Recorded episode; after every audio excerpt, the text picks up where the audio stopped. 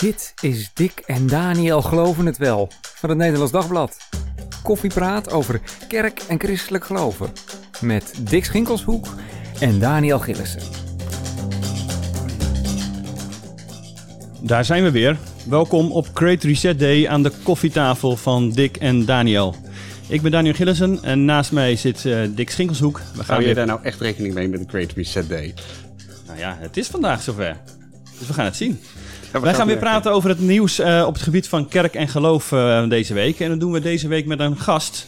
Collega, uh, podcastmaker, presentator, radiohost enzovoort. Joram Kaat is de gast. Hallo. Welkom. Hallo, dankjewel. Leuk om hier te zijn. Ja, jij maakt... Uh... Kerkleider, uh, Joram Kaat. Kunnen we dat inmiddels zeggen? Nee, nee. Laten we dat alsjeblieft niet doen. Uh, nee, ik ben slechts de ceremoniemeester, zeg ik altijd. Ah, mooi. Aha, want dit gaat over de Beam Kerkdienst, waar wij uh, zo uitgebreid over gaan praten. Gewoon een fenomeen in uh, kerkelijk Nederland. En daar gaan we eens over praten, over de, ja, het succes daarvan in tijden van corona. En natuurlijk de grote vraag, stopt de Beam Kerkdienst nu de kerk, uh, kerkdeuren weer, weer open zijn? Maar goed, eerst nemen we even de week door. er is veel opmerkings gebeurd, Dick. Zo was jij bij de presentatie van nieuwe Bijbelvertaling, MBV 21. Ja, dat was wel een hele, hele happening hoor. Vooral natuurlijk eigenlijk omdat, uh, omdat de koning daarbij was. En ik dacht wel, we zaten in de grote kerk in Den Haag echt met zo ongeveer alles wat maar iets voorstelt in, uh, in christelijk Nederland. Ja, daarom was ik ook echt teleurgesteld dat ik niet was uitgenodigd. Was jij Joran? Nee. ik zat te kijken en op een gegeven moment zag ik zo'n camera shot langs inderdaad de zaal. En toen dacht ik, hé, hey, die ken ik, die ken ik, die ken ik, die ken ik. En ik, ik voelde echt een soort teleurstelling van, ik ging nog mijn mail checken. Maar nee hoor, geen uitnodiging. Ik dacht dat jij uh, misschien, misschien wel was aangewezen als, uh, als designated survivor ja. of zo. Ja.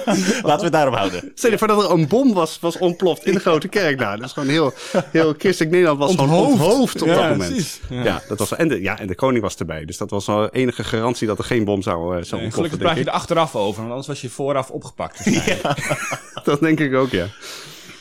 Maar goed, we gaan even naar een fragmentje luisteren. De koning de Bijbel krijgt. Hier is hij dan de MBV 21, het allereerste exemplaar. Heel mooi. Alsjeblieft. Hartelijk bedankt.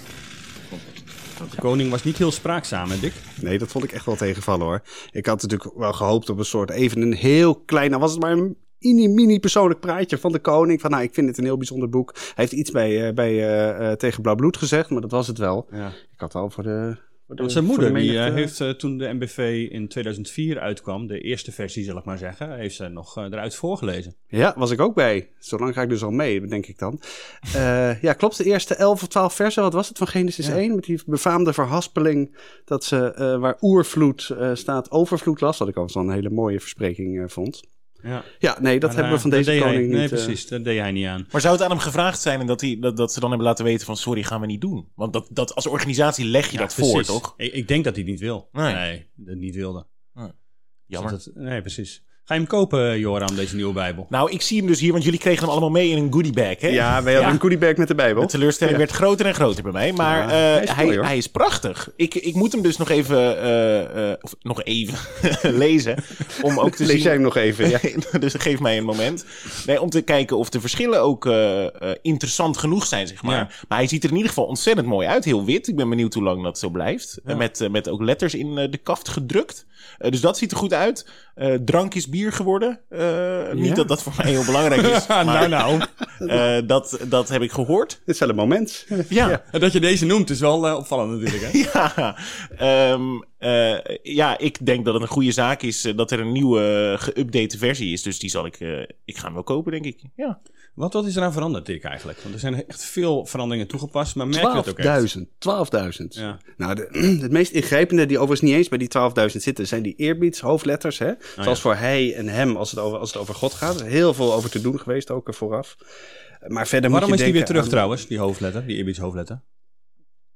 Nou, het was, het was een verzoek van ontzettend veel mensen. Kijk, je moet je voorstellen dat vanaf 2004, toen dat ding, uh, toen de eerste versie uitkwam, dat duizenden en echt vele duizenden mensen hebben gereageerd, ja. hebben reacties naar het Bijbelgenootschap gestuurd, hebben, hebben we in blogs en artikelen en weet ik wat overal, misschien ook wel in podcast, uh, gezegd wat ze allemaal niet vonden deugen. Uh, en dat is allemaal meegenomen. En ook nog een heleboel kritiek van, van, van, van experts en dingen die, waarvan ze zelf hadden gezien, hé, hey, dat, dat kunnen we mooier, dat kunnen we beter.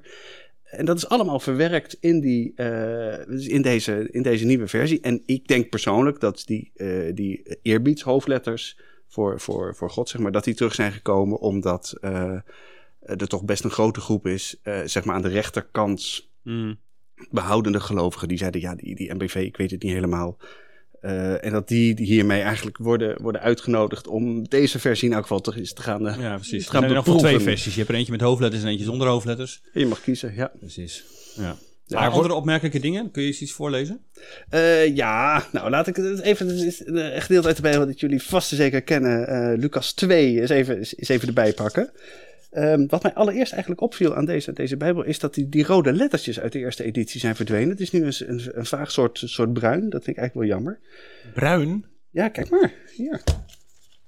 Je ziet het. Uh, het is ik, een beetje bruinig, zie het, ik zie het dus niet echt goed. Nee. Nee, dat is waarschijnlijk precies het probleem. ja. Maar als je, als je dan even kijkt naar wijzigingen bijvoorbeeld. Uh, kijk, in die. Uh, in 2004 was er heel veel discussie, of uh, het was heel opmerkelijk werd er gevonden dat die, de kribbe hè, waarin Jezus werd gelegd wel, uh, werd nadat hij geboren was, dat was een voederbak geworden. Nou, die voederbak staat er nog steeds in, geen zorgen. Maar dan staat er bijvoorbeeld, uh, er wordt niet, hij wordt niet langer meer in een doek gewikkeld, maar in doeken. Omdat op oh, ja. andere plaatsen is dat wel in meervoud vertaald, hè, dat, dat inbakeren. Ja. Dus dat hebben ze ook gedaan. Dus het is een soort, het is consequenter geworden. Daar, daar hebben ze uh, daar hebben ze heel veel nadruk op gelegd. Er zijn ook dingen verduidelijkt, zoals uh, Jozef en Maria vinden niet langer een, uh, geen plaats in het nachtverblijf van de stad. Zoals in, de, in 2004 stond, maar dat is nu het gastenverblijf geworden. Want bij nachtverblijf dachten ze toch iets te veel aan de dierentuin. ja. ja. Ja, dus het is nu gastenverblijf. Ja. Door herberg was het natuurlijk altijd. Nu gastenplek. Ja, je moet dat soort dingen zijn. Het, maar is het belangrijk voor jullie, dit soort wijzigingen? Nee, en het nee, is, uh, ze benadrukken ook zelf, hè, bij Benootschap benadrukt ook zelf echt, het zijn geen inhoudelijke wijzigingen. Er zit één, echt, wat is het, iets, iets steviger vertaalkeuze ergens achterin Job. Maar voor de rest, het, het gaat om dit soort cosmetische wijzigingen. Nee, precies. Dus hij is gewoon echt uh, aangepast. De, zeg maar, de fouten zijn eruit gehaald, kleine foutjes zijn eruit gehaald. Uh, dat het consequenter is, dat die hoofdletter er nu in staat. En dat is het zo'n ongeveer. En deze gaat uh, gewoon gebruikt worden, denk je, in de meeste kerken? Ja, ja, ja, ja. Ja, ja zonder te Kijk, het punt is, er dus allerlei kerken zullen daar natuurlijk over moeten vergaderen. En die zullen daar een rapport over moeten schrijven. En dat zal allemaal wel even duren. Maar in de praktijk uh, gaat eigenlijk iedereen die nu de MPV uit 2004 gebruikt, deze gebruiken. Dat, uh, dat zit echt wel in. Ja. Het is trouwens ook een hele mooie literaire editie, moet ik ook nog even zeggen.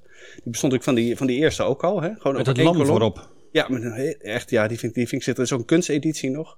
Maar ik vind deze ook echt, uh, leest ontzettend, uh, ontzettend prettig. Heb je die ook gekregen? Die heb ik ook gekregen. ik vind ja. het wel wat hoor. Ja, Dit moet wel gemeld worden bij de hoofdredactie. ja, inderdaad. We zullen het noteren op de giftenlijst. ja, precies. Het moet op de giftenlijst, ja. Ja. Mooi, we nemen hem, uh, we aanvaarden hem in dank. Of jij hebt al van de cadeautjes in dank aanvaard, begrijp ik. Zeker, maar ik had mijn verhaal toen al klaar. Hè? Dus dat, ah, dat scheelt. Kijk. Ja, dat scheelt. Ander uh, opmerkelijk nieuws van deze week. Dat is dat de Christelijke Kerk in Zwolle heeft besloten vrouwen toe te laten tot uh, kerkenambten van predikant, ouderling en diaken. Dat is uh, opmerkelijk, want de synode van het kerkverband spreekt hierover uh, volgend jaar uh, nog een keertje. Ze hebben dat al vaker gedaan, afgewezen altijd, maar gaan er nog een keer over spreken. En toch wacht Zwolle niet, Dick. Wat gaat hij doen? Nee, deze kerk zegt eigenlijk gewoon, wij hebben geen zin om hierop te wachten. wij wachten al zo ontzettend lang. het is binnen onze gemeente zijn er ontzettend veel mensen die dit niet begrijpen, dat we dit niet kunnen doen. het zal me wel, we doen het gewoon. Het is ontzettend, het is eigenwijs. Ja. Het is, uh... ja, ze denken tegelijk, we, we eindeloos wachten. Wij hebben het anderhalf jaar geleden al besloten. Sterker nog, we zijn tien jaar geleden, twintig jaar geleden zelfs. In 2001 hebben zij al eigenlijk besloten van, nou ja, het gaat wel die kant op. Ja, wij zijn al zo lang aan het wachten, we hebben hier geen zin meer in. Ik ben wel heel benieuwd wat dit nu, of dit niet eigenlijk gewoon weer een nieuw scheurtje is in dat kerkverband dat al zo ontzettend onder druk staat. Uh, we, nou, we, hebben hier, uh, we hebben het hier in deze podcast al wel vaker over de christelijke kerken gehad. En ja, je denkt van hoe, hoe lang houden ze het nog, uh, nog met elkaar uit? Dit is al de zoveelste aanwijzing. Ze willen wel, maar de kans is niet zo heel groot dat dat wat gaat worden. Nee, dat is lange termijn nog lukt. Nee. Volg je dit nieuws, uh, Joram? Nou, niet echt, maar ik vind, ik vind het dapper dat ze het doen. Ja, zeker. Dat eindeloze wachten en al die processen duurt allemaal zo lang. Dus gewoon uh, ja. lekker als, als een pioniers vooruit. Ja, Heb je er lang over vergaderd voor de BM Kerkdienst of daar vrouwen mochten voorgaan? Nee, absoluut niet. Nee, we hebben het juist heel erg meegenomen als een taak. Van we willen dat dat Ja. gebeurt. Maar krijg je wel eens reacties van, eh, van luisteraars dan? Die zeggen van, hé, hey, maar ik vind het ontzettend leuk wat jullie doen. Maar dat er zomaar vrouwen spreken, daar heb ik toch een beetje moeite mee. Nee, echt. eh, Voor zover ik weet, eh, nul. Ja. Ja. Maar ik kom uit een charismatische kerk. Daar, dit, dit thema is voor mij nooit in mijn leven op een punt een issue geweest, zeg maar. Daar, eh, daar waren ze vrij soepel met wie er mocht spreken. Eh, dus eh, dit is voor mij een soort... eh, ik, ik, ik volg dit, ik kijk het, ik, ik lees erover, maar ik denk, ja, jongens, kom op. Voorts. Voorts. Nou, laten we dan ook voorts gaan. Want eh, wat ik eigenlijk nog veel interessanter vond deze week... is het interview dat jij gedaan hebt, Daniel... met dominee Paul Visser. Hè, ze heeft een zeer opmerkelijke preek gehouden in Middelburg... Ja. eh, op een zondagavond. zondag, afgelopen ja. zondagavond. Eh, Paul Visser, even voor onze charismatische Joram... Is, Ja, vertel even. Precies. Een hele belangrijke en nou, ook wel gerespecteerde, denk ik, eh, dominee in de, in de protestantse kerk. Hè, rechterflank, geef me de bond. En die preekte over openbaring 13, hè, het visioen van het beest. En daar zegt hij een aantal ontzettend opmerkelijke dingen. Wij hebben daar Daniel samen in de auto woensdag eh, naar zitten luisteren. zeker. Laten we even een klein stukje van, eh, van nog geen minuut eh, even horen. Je krijgt een, een teken aan je hoofd en aan je hand. Nee, daar is heel veel over gespeculeerd, ga ik niet doen. Er zit ook iets onontkoombaars in. Denk niet, nou dan doe ik dat niet en dat niet en dan kan ik het ontkomen. Het visioen gebeurt, we ontkomen er niet aan. Wat het wil zeggen, vooral, ik weet nog niet precies hoe dat zal gaan, maar als je niet zo denkt en zo doet, als het beest heeft bedacht, dan word je uitgeplucht. En kun je niet meer kopen en niet meer verkopen. En er zijn nu al mensen soms uitgeplucht omdat ze anders over COVID dachten dan gewenst. Ja, en jij dacht meteen, Daniel, want deze preek ging dus over nog veel meer. Hè? Het ging ook over de, Great Reset, waar we deze, deze, deze podcast mee, eh, mee begonnen. Jij dacht meteen, ik ga, ik ga hem opbellen. Dit moet hij eens even uitleggen. Ja, dit is natuurlijk opmerkelijk als een predikant op deze manier het visioen uit openbaring 13 zo verbindt met de actualiteit. Eh, ook woorden gebruikt die je vooral ehm, ja, hoort als je een complotdenkers hoort spreken. Hè? Alles over de Great Reset. Eh Thierry Baudet eh, bedient zich ervan. Ehm, en het wordt door de ja, meeste weldenkende mensen dit is niet wat er, wat er speelt. Er is geen groot complot gaande om onze mensheid eh, te onderwerpen. Ehm, en hij gaat er toch behoorlijk in, in mee. Hij zegt al echt wel een aantal opmerkelijke dingen. Hè. Over COVID hebben we net al eh, gehoord. Daar heeft hij overigens in het interview. Hè, eh, hij zegt in de, de preek ook iets relativerends over corona. eh, als dat het een, een, ja, gewoon griepje zou zijn. Dat heeft hij in het interview wel ge- gezegd. Ja, dat heb ik on, niet goed uitgedrukt. Ehm, maar over andere dingen houdt hij wel overeind. En het gaat over de genderdiscussie. Hè, dat je niet meer gewoon kunt zeggen: ik ben man of vrouw. Nou ja, volgens mij kan ik gewoon zeggen dat ik een man ben en is dat eh, geen probleem. Maar hij zegt al dat dat, dat mag al niet meer. Eh, over het mensbeeld, al het gezeur over, eh, over een god, een schepper of moraal. Het heeft ons niet geholpen, weg ermee. Lever je uit aan ons. Dat zou de, de boodschap zijn van nou ja, de wereldmachten. Ehm, wie niet meedoet valt buiten de boot. Dan krijg je dat merkteken inderdaad dat we net al hebben, hebben gehoord. En dat uitgepluchtachtig, dat is natuurlijk ook wel opvallend hoe die, ja, hoe die dat dan verder... Hij heeft heel veel losse eindjes en concretiseert dat niet. En daar wilde hem over spreken. Dus ik heb hem inderdaad eh, opgebeld. En dat werd niet een heel gemakkelijk gesprek. Ehm, hij wilde eigenlijk al niet, niet echt praten. Ik liet uh, wel, wel van tevoren even geappt van... Hey, kan ik je bellen? Eh, dat was prima. Ehm, maar eh, ja, hij wist wel dat dit natuurlijk een gevoelig thema is. En hij had niet verwacht dat dat eh, ja, zoveel op zou roepen. En toen wij woensdag kregen we die, ehm, eh, die YouTube-filmpje doorgestuurd...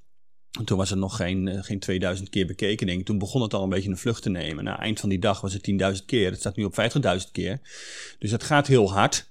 Uh, en hij dacht wel van ja, ik moet een beetje voorzichtig zijn met wat ik zeg. Dus het liefste wilde hij eigenlijk dat interview helemaal niet geven. Uh, toen een soort onder voorbehoud, ja, dat hij een soort aan het eind van het gesprek nog zou kunnen zeggen: Nou, schrijf het maar niet op. Ja, zo werkt het niet. Uh, dus je mag prima meelezen, maar we gaan nu uh, gewoon uh, hierover over spreken. Nou, dat deden we en vervolgens ja, ontrolde zich een gesprek waar hij steeds ongemakkelijker over werd, omdat ik concreet ook wilde weten, maar wat bedoel je dan ook hiermee? Hè, wat zeg je nu eigenlijk als je dit soort, dit soort dingen opwerpt? Ja, want, want jou, jouw toon in, het, in dat interview en ook is best wel, best wel scherp. Ja, die is wel heel scherp. Um, bewust wel heel scherp om als journalist ook dat tegenover te zijn. Hè, juist het was niet iemand dat je het gewoon zelf iets. enorm onzin vond. Ik vind het wel heel opmerkelijk en ik vind het eigenlijk wel, ik geloof er niet in wat hij, wat hij zegt. De, de manier waarop hij een grote complot ziet. En hij zegt wel, ah, ik kan niet eh, aanwijzen, het zijn die en die die daarvoor staan. Maar uh, dat is niet hoe ik er uh, naar kijk. Maar um, het was mij vooral bedoeld, gewoon professioneel als tegenover van, van deze dominee te, te zijn. Hij beweert iets. Um, laat hem dat uitleggen. En als je hem daar scherp over bevraagt, komt de boodschap gewoon meer naar voren. Krijgt iemand meer de gelegenheid om dat goed uit te leggen. Ja, het wordt natuurlijk door mensen uitgelegd als van ja, eh, scherp interviewen en, en daardoor wil hij, wilde hij niet. Nee, hij wilde niet omdat hij uh, vond dat hij te concreet moest worden. En daar had hij geen zin in. Maar ja, je begint ergens aan wie A zegt. Hè? Ja, dus, ja, ja, ja. Want uh, uh, op Twitter was er natuurlijk echt wel die, die, die kritiek. Hè? Je, kreeg, je, kreeg ook een uh, reactie onder ogen van Daniel. Moeten ze dat meer in het Bijbelboek Daniel lezen? Nou, ik moet eerlijk zeggen, dat leek mij sowieso een goede tip ja, voor jou. Goeie. ik zal de MBV 21 erbij pakken. Ja, precies, hier, hier ligt hij. We hebben hem helemaal fris op het Bijbelboek Daniel is ook opgefrist. Ja. Uh, uh, Joram, is dat iets, zijn dit thema's uh, die, die in jouw omgeving erg veel, veel spelen? The Great Reset? En, Zeker. ja, ik krijg, ik heb in mijn omgeving inderdaad mensen die hier wel, die dit volgen, die hier, ja, net zoals Dominee Visser over denken. en ik vind het ook echt bijzonder roekeloos dat hij dit zo zegt in een preek. En ik, misschien had hij gedacht, joh, ik sta in Middelburg, daar is het volgens mij, mm -hmm. dit kan ik hier kan ik jullie roepen om eens uit te proberen? Ik weet het niet. Maar het past helemaal niet in het beeld wat ik verder van die man heb. En uh, ik, vind het, ik ben heel benieuwd wat die, hoe die nog gaat reageren. Want ik kan me niet voorstellen dat het hierbij blijft. Uh, ja, um, ik zei dat gisteren ook in de podcast deze week die ik maak met uh, Sheer Kuiper en Kokkie Drost. Er is volgens mij niemand die zou uitgelopen met een soort van: oh, nu heb ik het helder. Of nu ben ik, uh, kan ik weer constructief hierop uh, op anticiperen. Kan ik door met mijn leven. Het is gewoon angst zaaien. Ja, wat je hoort natuurlijk steeds. Is, gelukkig is er uh, iemand die het zegt. Dat is elke keer wat je natuurlijk ook al, rond al dit. ook wat over Baudet gezegd wordt. Er is tenminste iemand die het zegt. Die durft te benoemen. Ja. Het mag niet, je mag het niet meer zeggen, maar wij zeggen het wel, zeg maar.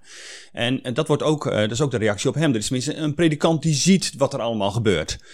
En dat vind ik dus het gevaarlijke aan. De suggestie die ermee gewekt wordt, wat er allemaal speelt, terwijl er geen enkele feitelijke onderbouwing is voor deze beweringen. En daar zit het probleem. Dat wilde ik bevragen en daar komen volgens mij, ja, komt hij niet uit. Nee, want uh, die, die Great Reset, jullie hebben dat daar in de podcast uh, deze week uh, ook iets uitgebreider over gehad. Nu, ik, ik, ik hoor dat af en toe langskomen, zo'n zo'n begrip. En er, er zit dan iets heel dreigends in, want ja. blijkbaar hangt er ons dat allemaal boven het hoofd. Wat is, jouw, wat is jouw beeld van die, van die Great Reset? Nou ja, kijk, dit is een plan dat in 2030 in, in werking gesteld moet zijn. Wat dus een soort nieuw wereldsysteem ontwikkelt waar we allemaal beter van zouden moeten worden.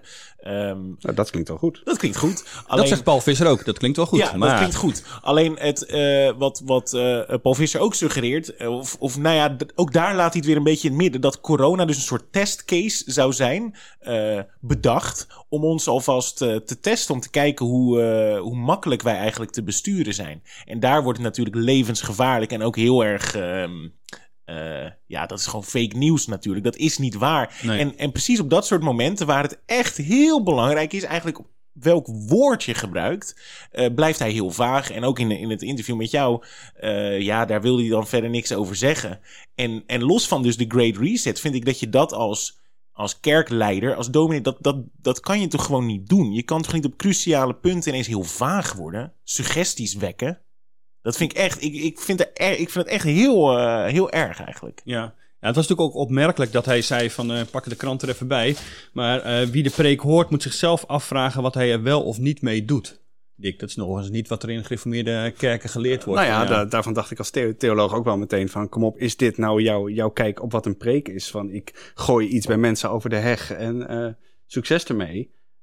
volgens mij heb je de taak om, wat is het, Gods woord uit te leggen. Sterker nog, in die de theologie waarin Paul Visser staat, wordt altijd, is altijd gezegd dat de verkondiging van Gods woord Gods woord zelf is. Op dat moment. Ja. Nou, dat is natuurlijk is een reuze pretentie. En ik weet ook niet of, uh, nou ja, of je als je dominee bent, je, je daar heel erg door moet laten leiden op de kant, anders zeg je helemaal niks meer. Maar het betekent wel dat je niet met dit soort losse eindjes weg, uh, weg kunt komen zonder. Dat, uh, Nee. nee, ik heb daar wel mijn, mijn grote vragen bij. Maar onder de YouTube-video iedereen echt uh, super enthousiast. Ja. Eindelijk, oh fantastisch, wat goed. Ja, dat is wat Ja. er gebeurt. Er is inderdaad een groep die... Natuurlijk zoeken we in tijden van crisis naar een grote boosdoener. En uh, dit verhaal bevestigt dat. Van er is een macht die ons probeert te besturen. Dat is ook een heel fijn idee. Dat we een ge gezamenlijke ja. vijand hebben waar we ons tegen moeten verzetten. Dus ik snap het ook dat het heel uh, verleidelijk is om daarin mee te gaan. Maar het kan natuurlijk echt niet. Nee. Maar krijg, krijg, jij, eh, Daniel, of jullie als ND al, reacties? Want, want jullie zijn natuurlijk ook nu onderdeel van het probleem. Ja, precies. Daar krijg je zeker reacties uh, op. En uh, nou ja, zeker op zo'n op Facebook van Nederlands Dagblad. Dan gaan ook allemaal dit soort reacties hetzelfde als bij YouTube. Gelukkig wordt het gezegd. Hè? Op Twitter zie je er wel wat diversiteit. Juist ook, nou ja, ook wel heel veel mensen die zeggen het is heel goed dat we er nu aandacht aan wordt gegeven. En dat hij wordt bevraagd. Anderzijds ook reacties inderdaad van, van lezers die zeggen: uh, stop er nu eens uh, mee. Ik bedoel, hij is uh, veel te scherp bevraagd en is blij, wees blij dat iemand dit nu zegt. Ja, dat geeft nog wel wat discussie. Maar lees het hele interview op de website van het Nederlands Dagblad als je dat nog niet hebt gedaan. nd.nl, daar is die te vinden. En we zijn ook benieuwd naar je reactie daarop. Hallo daar, een hele goede morgen en welkom bij de Beam Kerkdienst. Beam is het jongerenmerk van de EO en elke zondagmorgen organiseren wij deze dienst via NPO 2 en ook via youtube.com slash eobeam.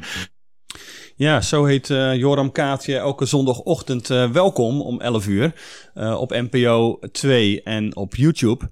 Um, jullie zijn daar, Joram, meteen mee begonnen toen de coronacrisis uitbrak. Ja. Uh, heel snel eigenlijk, hè? Ontzettend snel, ja. Het was uh, donderdagmiddag die persconferentie die we allemaal wel herinneren van ja. uh, Mark Rutte. Dat alle evenementen en alle groepen, dat, dat mocht allemaal niet meer. Uh, en ik was uh, ergens met mijn uh, hoofdredacteur Maarten Vermeulen. En ik zei tegen hem: Wacht even, alle kerken gaan dicht. We moeten zondag iets doen. En hij zei: Ja, let's go. En we zijn allebei aan het appen gegaan. Ik de Beam Worship Band benaderd. Onze ja. gelegenheidsband ja, die we op de jongerendag altijd hebben. Die zeiden allemaal: Nee, we kunnen niet. We hebben allemaal zondag dingen staan. Ik zeg: Nee hoor, die worden allemaal gecanceld. die heb jij niet staan. En dat wist nog niemand. Jij wist dat al, ik hè? wist het al. En na een uurtje kwamen ze inderdaad. Want ik heb echt nog met studenten in Utrecht van navigators gebeld en zo. Kunnen jullie spelen? Oh, ja. uh, maar na een uurtje kwam die Beam Worship Band terug van, hé, alles is afgezegd. dus uh, toen konden Ja. we die zondag gelijk uh, live, alleen op YouTube toen nog. En tv Ja. kwam er later bij. Precies. Dat was ook al vrij snel, toch? Ja, de week daarna eigenlijk Ja, al. de week op daarna maandag al, ja, stond de. EO, uh, de, de tv-mensen aan het bureau van, hey, zullen we dat ook op tv uit? Ja, Ja. dit is toch wel leuk. Ja, toch wel, ja. Ja. Dat doet het goed, hè? Hoeveel Ja. kijkers eh, trekt het ongeveer? Nou, we zitten gemiddeld denk ik op 100.000 kijkers per week. Eh, dus dat is natuurlijk gigantisch. Eh, en wat we ook horen is dat mensen met het gezin echt kijken. Dus Ja. eh, die aantallen lopen misschien nog wel op. Maar het is heel bijzonder, ja, dat je zeker in die eerste weken... We hadden natuurlijk echt een, een verslagen gevoel. Ineens waren we Ja. gegrepen door Ja. dat virus, zaten we allemaal thuis en we hadden eigenlijk niks meer. Eh, dus dan gaf dat kerkgevoel wat even niet meer kon fysiek eh, online, dat, dat was een hele bijzondere sfeer. Ja. Ja, ja. Nou ja, ik bedoel, eh, dat voor, voor, voor mijn gezin geldt dat ook. Wij zaten er ook met z'n eh, met vijf. Tenminste, ik moet zelf vaak, vaak voorgaan, her en der.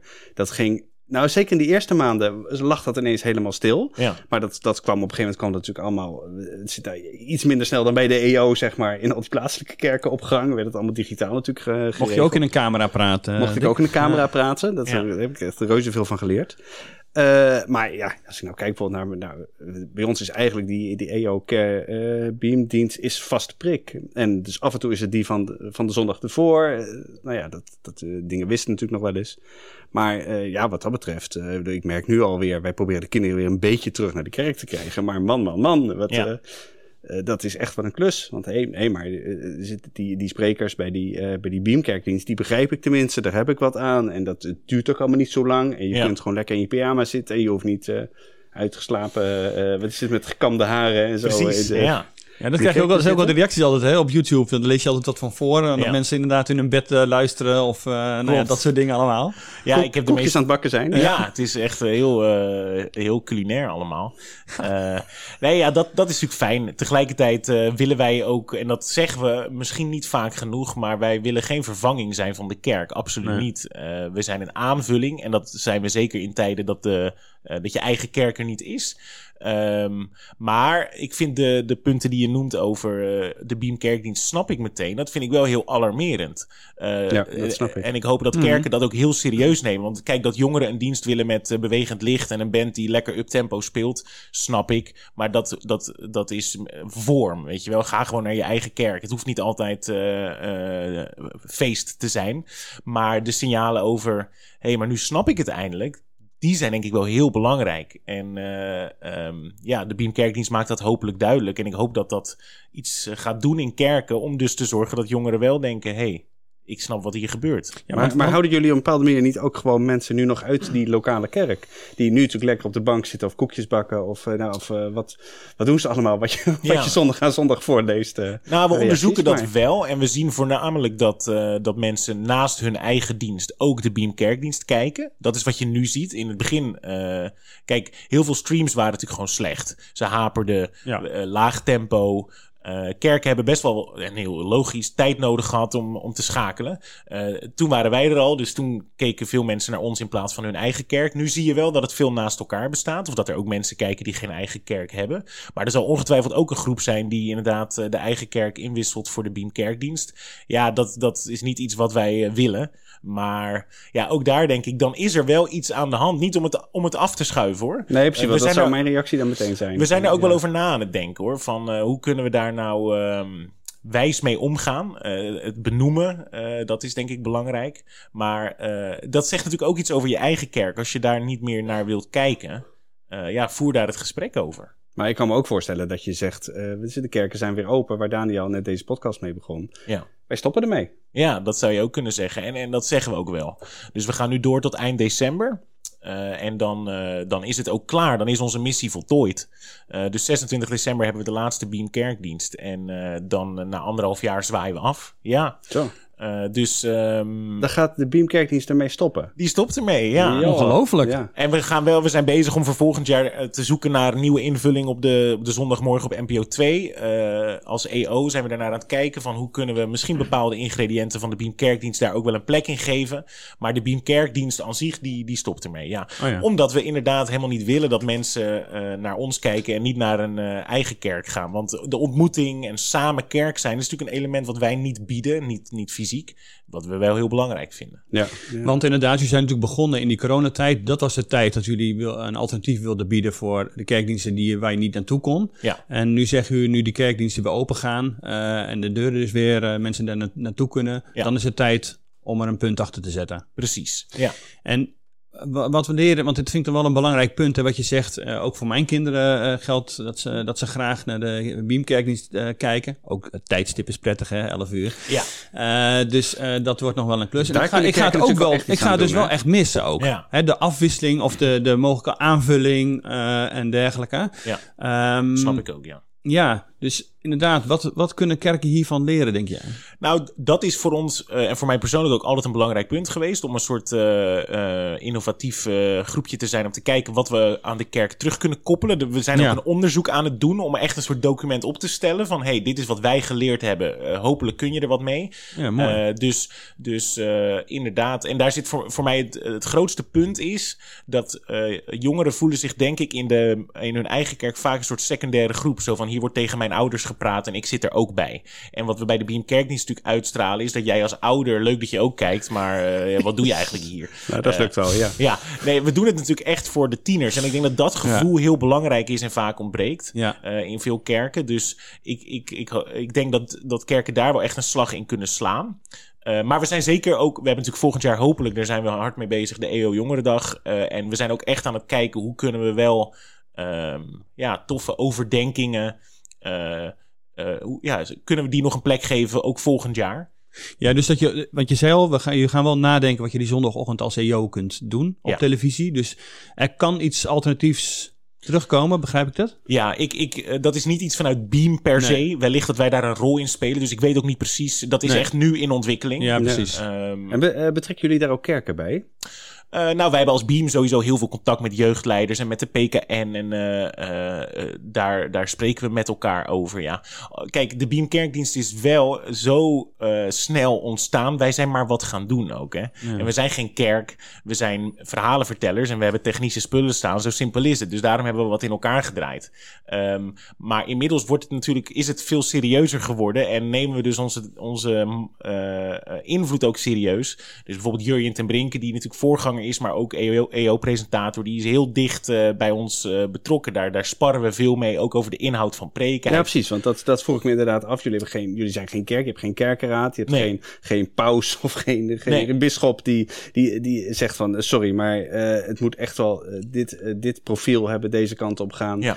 Dit, is, dit valt theologisch echt buiten de boot. Dit kun je gewoon niet zeggen, want dat is, dat is ketters of zo. Ik stel dat je dat zou willen zeggen. Ja. Maar er moet een soort, een soort lijn zijn, zeg maar. Nou, ik weet een kerk in Middelburg waar ze daar ook niet zo scherp op zijn. maar um, nou, uh, uh, wij, wij vertellen verhalen over geloof in het hedendaagse leven van een tiener. Dus we, willen, we vragen altijd aan onze sprekers... Um, Pak iets, iets wat je hebt ervaren van God, iets wat je hebt gelezen in de Bijbel en vertaal het naar een hedendaagse jas, zodat een tiener weet wat hij ermee moet of mee kan. En uh, soms is dat uh, theologisch heel uh, diep, soms ook helemaal niet. Maar dat is voor ons dus niet het belangrijkste. we willen dat, dat het een, een, een gedachte of een hele concrete handeling meegeeft waar je echt iets mee kunt en waar je over door kunt praten ook thuis. Dat hoop ik dat dat gebeurt. Ja, met een visueel element eigenlijk altijd. altijd. Ja. ja. Ja, dat is ook weer zo'n learning waarvan ik hoop dat de mm. kerk hem oppakt. het is niet dat de jongeren niet willen. Ze willen je preek wel snappen, maar het lukt ze gewoon niet. De spanningsboog is kort. Het is een talking head, hè, zoals je dat in mediatermen noemt. En iemand die gewoon aan het praten is. Dat, is dat, dat, zien ze in hun verdere week nooit. Dat is ja, op school. Maar ja, dat is saai. Dus, school is ook saai. Hoor. School is ook saai. Dat dus, ik ook heel vaak. Ja. Dus daarom zijn we altijd. Dat is een voorwaarde die we bij, bij sprekers neerleggen. Uh, het moet visueel zijn. Daar denken we zelf dan heel hard over mee. Ja. Maar de, we willen altijd één helder beeld communiceren.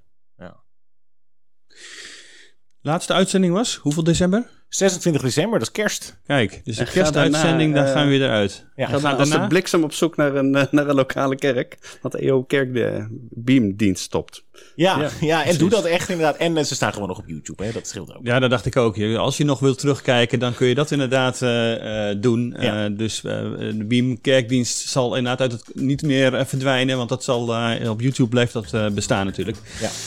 Dank voor het luisteren naar uh, deze podcast. Ik hoop dat je ervan uh, genoten hebt. Uh, is dat zo en wil je dat ook steunen? overweeg dan is een abonnement op het Nederlands Dagblad. nd.nl slash abonnement. Daar kun je onze aanbiedingen vinden. En tot de volgende keer. Dag. Dag.